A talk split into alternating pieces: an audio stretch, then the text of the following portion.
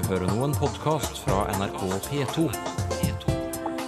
nrk.no-podkast. Hvor plasserer du verbet når du skriver gratulasjonsdikt? Tenk at du er tenåring og inne i ungdomsårene du går. Festsyntaks det er merkelig ordstilling som er forbundet med høytidelige anledninger. Vi nordmenn snakker til hverandre på en direkte måte. Hva med japanere? Japanere er ekstremt indirekte. Det er opp til lytter å forstå hva de mener, og det er veldig vanskelig å forstå det fordi budskapet er pakka så godt inn. Men i Språkteigen i dag slår denne myten sprekker. Hvordan føler du deg i dag, Sylfest Lomheim? Brasiliansk. Aha, det er derfor du holder på med den fotballen, altså. Ja. Hva slags triks er det du prøver å få til, egentlig? Brassespark. Å ja. Eh, Og hvordan vil du beskrive stilen din? Det er prestasjon på høyt nivå. Akkurat. Vi får drible videre mot slutten av sendingen. Det er høysesong for brylluper og bursdagsfester i det grønne, og ved slike høytidelige anledninger hører det med sanger og dikt, som for eksempel Takk for at du er til, vi denne dagen minnes vil. Eller eh, Hurra for Ola, som i dag bursdag har. Men hvorfor setter vi ordene i så rar rekkefølge? Her er et innlegg fra en lokalavis. Jeg har observert et merkelig fenomen i Gratulerer med dagen-spalta i lokalsendinga.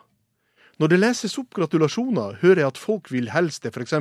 ho Hilde som i Grattangen bor, eller han Jakob som på Vollan bor. Hvorfor i all verden formulerer folk seg på denne pussige måten? Hvorfor sier de ikke bare at de skal helst til ho Hilde som bor i Grattangen? Det er aldri snakk om at det skal rime. Ordene er bare bytta om i en underlig rekkefølge. Det høres rett og slett helt kunstig og merkelig ut. Dette er Mat for språkforskere. To av dem har jeg her. Kristin Melum Eide ved NTNU og Hilde Solid ved Universitetet i Tromsø. Dere kaller dette fenomenet for festsyntaks. Og hva er en festsyntaks? Festsyntaks det er jo det som eh, folk har lagt merke til. At det er merkelig ordstilling som er forbundet med høytidelige anledninger. I dikt og i, i vers sant? og i sanger. Og veldig ofte i konfirmasjonssanger da, så er det en idé om det at uh, verbet kommer på merkelige plasser i setninga. Og det i hele tatt uh, setningsleddene kommer på en uvanlig plass i forhold til det vi er vant til. da. Men Hilde, da lurer jeg på hvorfor gjør vi det på den måten? Hvorfor bruker vi det dere da kaller en festsyntaks, altså plasserer verbet til slutt når vi skal være litt høytidelige og gratulere folk, eller ja. Hvorfor gjør vi det? Ja, det kan jo hende at det handler om å vise veldig tydelig for mottakerne at eh, nå er vi inne i en bestemt type sjanger, en, en festlig sjanger. Det skal være tale og høytid.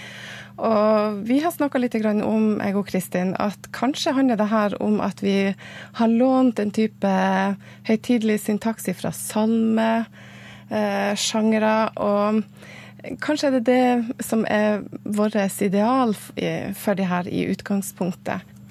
Og grunnen til at vi tror at det kommer fra salmer, det er fordi at eh, når vi ser på en del av fenomenene her, eh, så ser vi at det er veldig ofte ordstillingsmønster som vi finner igjen i tysk. Og da kan vi ta som eksempel at verbet kommer til slutt. F.eks. Eh, 'nå vi deg hyller som 50 år fyller', som det var nevnt her. At verbet kommer til slutt. Og det er ganske typisk i tyske undersetninger. Og, men òg at hjelpeverbet kommer etter det igjen. Så eksempel så har vi om den norske sjømannen er et gjennombarket folkeferd, og hvor fartøy flyter kan. Det kommer hjelpeverbet til slutt. Og det er òg veldig typisk eh, tyske undersetninger. Og da er det lett å tenke seg det at eh, de tyske samedikterne de ble veldig ofte direkte oversatt til norsk. Og da kan vi si det at eh, det skjedde det som kalles for releksifisering. Egentlig bare at du bytta ut med Hva er det for noe? Hvis du har eh, et salmevers fra tysk, og så oversetter du det direkte til norsk, eh, med den, med den tyske ordstillinga, så du bare setter inn norske ord i stedet for de tyske ordene, men du beholder ordstillinga som er i tysk. Men Hilde, hvorfor virker det mer høystemt og, og ja, høytidelig når verbet kommer til slutt? Ja, det er jo vanskelig å forklare, men det, vi må jo ta utgangspunkt i den eh, teorien vår da, om at det handler om salmer. Og at eh, når vi har lett etter idealer for våre taler og sanger, så har vi kanskje henvendt oss til salmesjangeren, som vi eh, må ha kjent veldig godt. Eh, og så eh, overfører vi og tar i bruk eh, den variasjonen som finnes i salmene, og bruker dem i festsyntaksen. Og etter hvert som eh, vi bruker Det kommer flere og flere eksempler på at det er sånn vi skriver taler, det er sånn vi skriver festtalene til tenåringene våre eller til ungene våre når vi skal sende gratulasjoner. Så har det blitt en forventning om at det er sånn vi kan skrive det.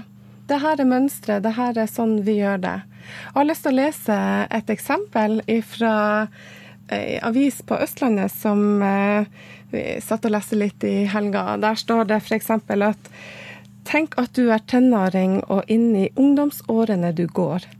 Det er et veldig godt eksempel på at det starter med en helt fin eh, setning først, og så kommer neste del av det jeg leste, og der får du eh, verbet til slutt. Jeg tror ikke det er sånn at det må være på rim.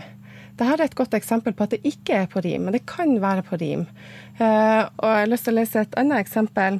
Eh, Dette er fra en eh, gratulasjonshilsning fra ei oldemor til oldebarnet. Og der det bl.a. står at vi vafler sammen steker og bordet du dekker. Så det kan jo høres ut som at det er en, en for fornødrim inni det her. Og da er vi kanskje inne på noe av det som gjør at dette er en, en utfordrende sjanger også for mange. For når vi ser på, på diskusjonene knytta til uh, festsyntaks, så ser vi at det er ikke alle som helt uh, liker det, sånn som vi var inne på helt innledningsvis med det Eh, som ble lest opp helt i begynnelsen. Ja, Hvorfor blir vi så irritert, enkelte av oss, når vi hører denne type dikt og, og, og rim, sånne gratulasjonshilsener osv.? Så mm. Jeg tror det handler om at, eh, sånn som det ble sagt, at eh, det oppleves som kunstig. Den rekkefølgen på ordene er ikke det som vi vanligvis har i, i måten vi snakker på til vanlig. Det oppleves som kunstig og kanskje oppstylta i dag. Men jeg tror òg det at forventningene våre til viser og høytidelighet har endra seg. Sånn at uh, bare for få år siden, bare for, si, for 20-30 år siden, så var det enda forventning om at uh, taleprosa skulle være litt annerledes enn ordinær prosa, og skulle, dikt skulle være på rim. Og det var òg slik at uh, en sang skulle være litt høytidelig. Sant? Mens i dag så er det sånn at tror at en hel del eh, dialektnære sanger, f.eks. Vi har fått et annet ideal når det gjelder hva det er som gjelder som en fin sang. Og dermed så får du en forskyving i folks oppfatning av hva det er som er vakkert. Så uh, nå for tida så syns jo folk at uh, lys og varme er noe av det vakreste som fins. Men for, la oss si, for 40 år siden så hadde den vært altfor prosaisk. Altfor like til, altfor direkte altfor vanlig ordstilling til å regnes som poesi i hele tatt. Kristin Melum Eide ved NTNU og Hilde Solid ved Universitetet i Tromsø. Takk skal dere ha. Men tilbake neste uke, dere kommer, for oss å fortelle om flere syntakser, for dere påstår at vi mennesker behersker flere grammatikker, og det gjør oss massivt flerspråklige, uten at vi er klar over det. Forklaring følger neste uke. De siste månedene har barneskoleelever over hele landet jobbet med språkforskning, med det mål å vinne Nysgjerrigpers språkpris 2012. En pris som deles ut av Språkrådet. Dette har du hørt om tidligere her i Språkteigen også. Nå er vinneren kåret. Skåbu oppvekstsenter i Gudbrandsdalen hadde det beste forskningsprosjektet. Det heter Hvorfor har skåbu-dialekta forandra seg? Elever fra alle klassetrinn har jobbet med ulike teorier om hvorfor talemålet i bygda deres er i endring, og i begrunnelsen bemerker juryen blant annet at de unge forskerne har gått systematisk til verks for å teste ut hypotesene sine. Prosjektet viser at det er sammensatte årsaker til at dialekten har forandret seg. Elevene ved Skåbu oppvekstsenter belønnes med en pris til en verdi av 5000 kroner. Hvis du blir bedt om å sammenligne måten vi nordmenn kommuniserer på med måten japanere kommuniserer på, hvem vil du si er mest direkte? Myten forteller i alle fall at nordmenn er direkte og kanskje litt uhøflige. Japanerne er høflige og indirekte. Men ved Norges handelshøyskole i Bergen finner vi en som utfordrer disse forestillingene gjennom en fersk doktorgradsavhandling. Kristin Rygg, du underviser blant andre morgendagens forretningsfolk i hvordan kulturforskjeller kan påvirke kommunikasjon. Og hva lærer studentene vanligvis om sine fremtidige japanske forretningsforbindelser? Ja, de bøkene vi bruker i undervisningen, de er stort sett skrevet av amerikanske forfattere. Og eh, de, I de bøkene får en inntrykk av at japanere har gjort det nærmest til en kunst å hinte. Så eh, japanere er ekstremt indirekte. Det er opp til lytter å forstå hva de mener, og det er veldig vanskelig å forstå det fordi budskapet er pakka så godt inn. Hva ligger egentlig i begrepene direkte og indirekte? Kort sagt, innenfor lingvistikken så betyr direkte at du verken legger til eller trekker fra noe. Mens eh, indirekthet, eh, da enten legger du til, men mest vanlig så forstår en det som at en trekker ifra, altså at en hinter. At, man, at, man, at, det ligger mer mellom linjene enn på linjene, på en måte? Ja. ja. Og, og det er jo, forestillingene våre er da at japanerne de kommuniserer på den måten. At ja. de ikke sier ting rett ut. Men så i doktorgradsavhandlingen din så har du gått disse forestillingene litt etter i sømmene. Du har intervjuet norske og japanske forretningsmenn. Og hva fant du? Ja, da fant jeg det at uh, av de 21 Japan japanerne jeg intervjua, så var det bare åtte som hadde den her typiske japanske stilen som hadde alle de eh, markørene for indirekte som jeg, hadde, som jeg testa de på. Ja, Og så hadde du en norsk gruppe som du også intervjuet? Ja. ja hvordan var forholdet i funnene mellom disse to gruppene, da? Ja, Der var det òg sånn at det var omtrent likt med hvor mange som var prototypisk indirekte, og hvor mange som var direkte. Men kan du gi et eksempel på hvordan de direkte japanerne, hvordan de ordla seg? Hvordan, på hvilken måte var de direkte? Jeg definerte to typer direkthet. Det ene er dette her å ikke verken legge til eller trekke fra. Du kan være direkte med å si tog i Norge er forsinket. Mm. Det andre er at du kan si tog i Norge er forferdelig forsinket, syns jeg.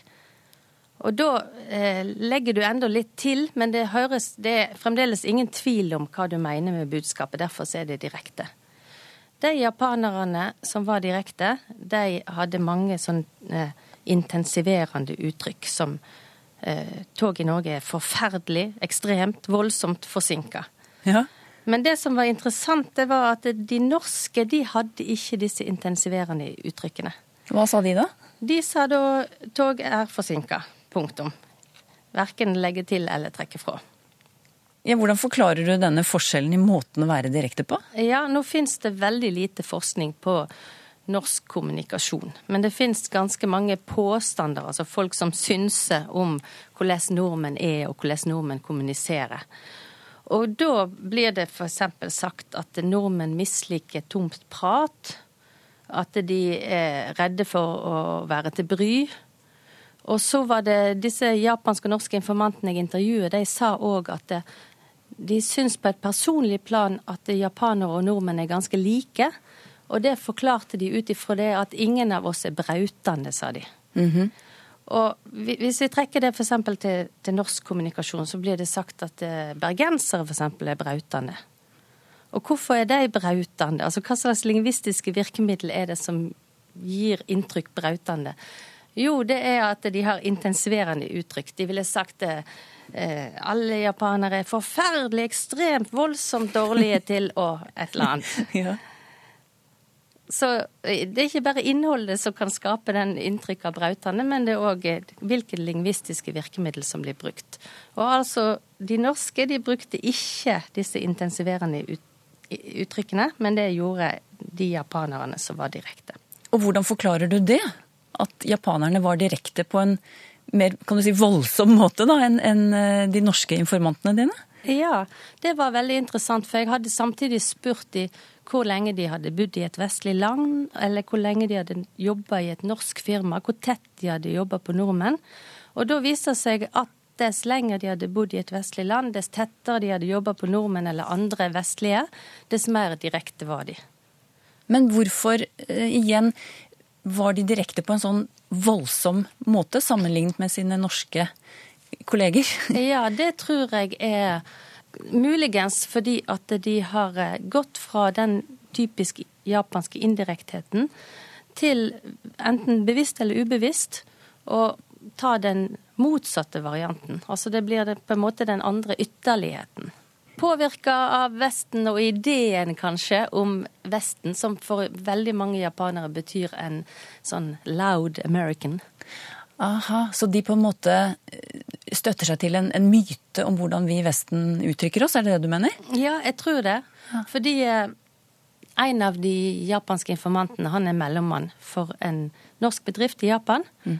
Og han eh, fortalte en historie der eh, det var en nordmann som, fordi han skulle være høflig, kom til Japan og snakket veldig indirekte til kunden.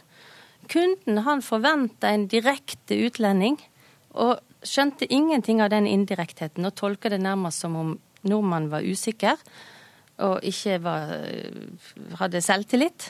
Og så måtte da mellommannen etterpå gå inn og si til den japanske kunden at jeg vet du forventer direkthet, og den nordmannen er vanligvis direkte, men han sa det så indirekte for å være høflig mot deg. Så det betyr at det hjelper ikke alltid å ha ideen om den prototypiske andre, fordi at en må òg ta hensyn til at det er eh, forventninger, det er personlige variasjoner, og det kan endre seg etter situasjonen. Men disse funnene dine, at du i disse to gruppene fant at like mange nordmenn som japanere var direkte i sin måte å kommunisere på, på hvilken måte kan det være nyttig kunnskap? Det nyttigste er at innenfor dette fagfeltet som jeg jobber innenfor, som heter interkulturell kommunikasjon, så er uh, forskning på kommunikasjon når en har ulik kulturell bakgrunn. Så finnes det så lite litteratur som sier noe om nyanser. Japanere blir fremstilt som at de er helt statisk bundne av sin indirekthet, og de kan ikke endre seg uansett hvem de møter. Så er det noe jeg har prøvd å få fram her, så er det at eh, japanere òg har evnen som alle andre til å forandre seg i møte med en annen. Det sa Kristin Rygg ved Norges handelshøyskole i Bergen tid for lytterbrev, Sylfest eh, Lomheim. Men du, først så vil jeg at du skal forklare et ord vi har støtt på stadig vekk i mediene den siste tiden. Ordet drone. En drone det er jo et ubemannet fly som kan både overvåke og angripe. Og vi har hørt nå om hvordan president Obama bruker droner i krigen mot terror. Men hva er det for slags ord? Drone er et ord for bie, og nærare bestemt hannbie. Og sjølve ordet er interessant, for det viser seg å være ikke bare gammelnorsk, men det går like tilbake til vårt felles urspråk, altså indoeuropeisk. Det er ei gammel ordstamme, og det ordet tyder rett og slett å summa. Og det betyr at det karakteriserer den lyden som biene eh, produsere. Men hvorfor tror du at disse ubemannede flyene har fått navnet droner? Eh, det er jo fordi at eh, han kan kanskje likne dem med summende bier. Jeg regner med at de lager kanskje en svak summende lyd. Der de kommer førerløse og enten overvaker eller har bombe i nesen, slik at de, de kan gjøre skade og nå er jeg ikke ekspert på droner, men jeg tipper at de ikke er helt lydløse. Hvis de er lydløse, så er det i tilfelle litt rart i høve til opphavet på ordet drone, for det er da ikke lydløst, men å summe. Det var ordet drone, det. Over til første lytterspørsmål, som kommer fra Einar Jahr.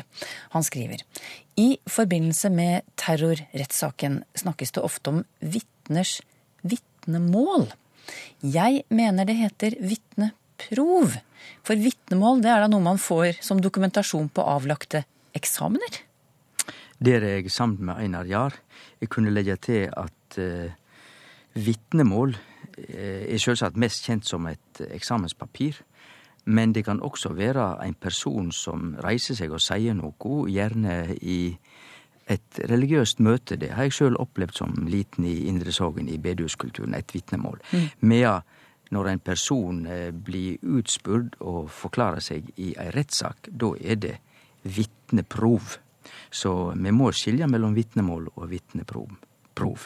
Derimot så sjølve verbet å vitne, det kan brukes både eh, om en person som gjør noe i retten og vitner der, men også igjen i religiøse sammenheng en person som reiser seg og sier noe på et religiøst møte. Det kan også bli omtalt som å vitne. Marius Lien er nysgjerrig på opphavet til det norske ordet brassespark. Han spør blant annet hva er ordets historie, og når dukket det opp? Ja, og alle veit, alle de som er interessert i fotball, veit at brassespark betyr brasiliansk spark. Altså typisk for Brasil. Det er det som ligger i brassespark. Og da, når Marius Lien skriver til det norske ordet brassespark, ja, det er et norsk ord, men vi har det fra svensk. Og da begynner vi å kjenne ordmønsteret igjen, fordi at brasse er svensk sjargong for eh, brasilianer. Og da ser vi jo mønsteret. Hans heiter på svensk sjargong Hasse. Nils kan heita Nisse.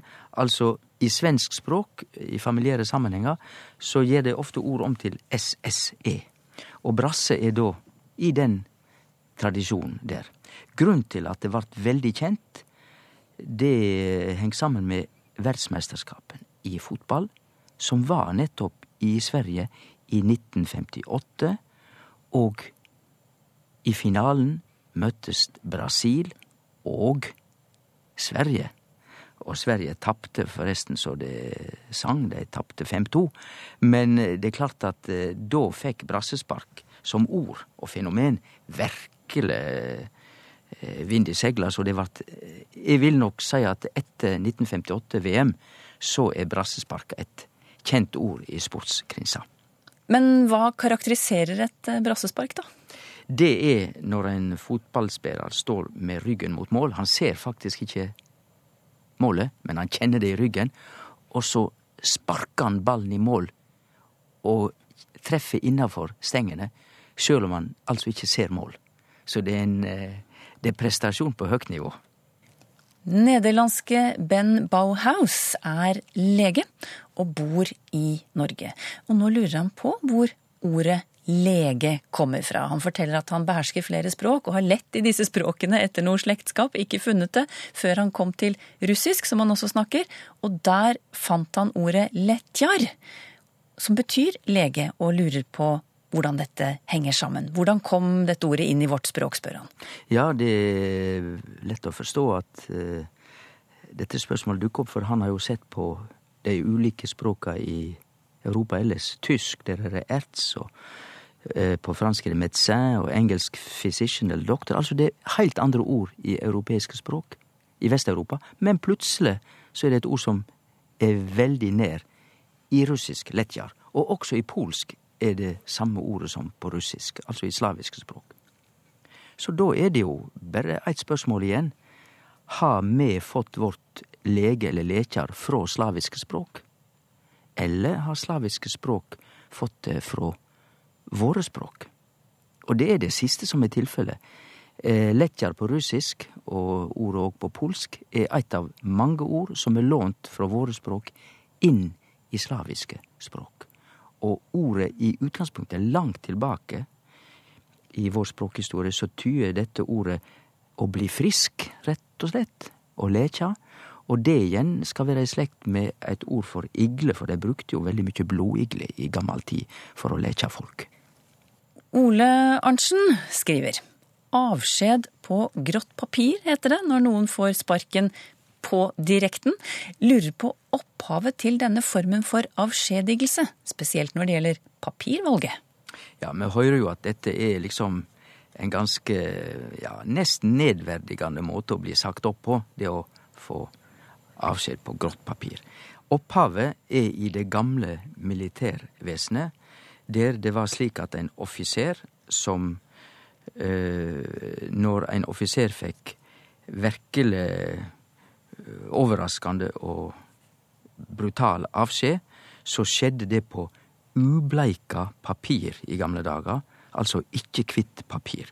For det er jo slik at papir får sin hvite farge ved bleiking, og det billige papiret, det er gråbrunt.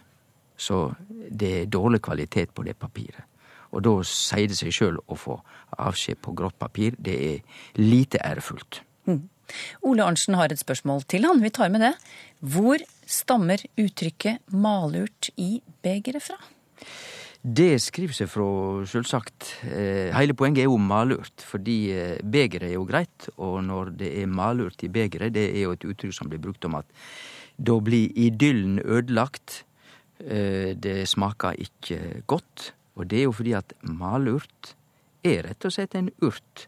Og det er en urt som blant annet vært brukt mot, mot møll, altså insekt. Og det har en bitter smak. Så når du har den urten i drikken, så blir det bitter smak på drikken. I neste utgave av Språkteigen får du blant annet høre at alle mennesker er flerspråklige, helt fra barnsben av. Så kan jeg nevne et eksempel fra mine sønner som leka parkeringsplass ut, utenfor huset. Og da han yngstemann han var ikke like oppdatert på reglene for denne parkeringa, og, og, han heter da Einar. Og eldstemann måtte da stramme han opp litt og si at du må parker aner ven ener. Og det er ut ifra en oppfatning om at når man skal leke, man skal være oppsynsmann på en parkeringsplass, så må, man snakke østnorsk, og da kan man ikke bruke diftonger, ikke engang overfor en Einar. Da må han hete for ener. Hør mer i Språkteigen om en uke.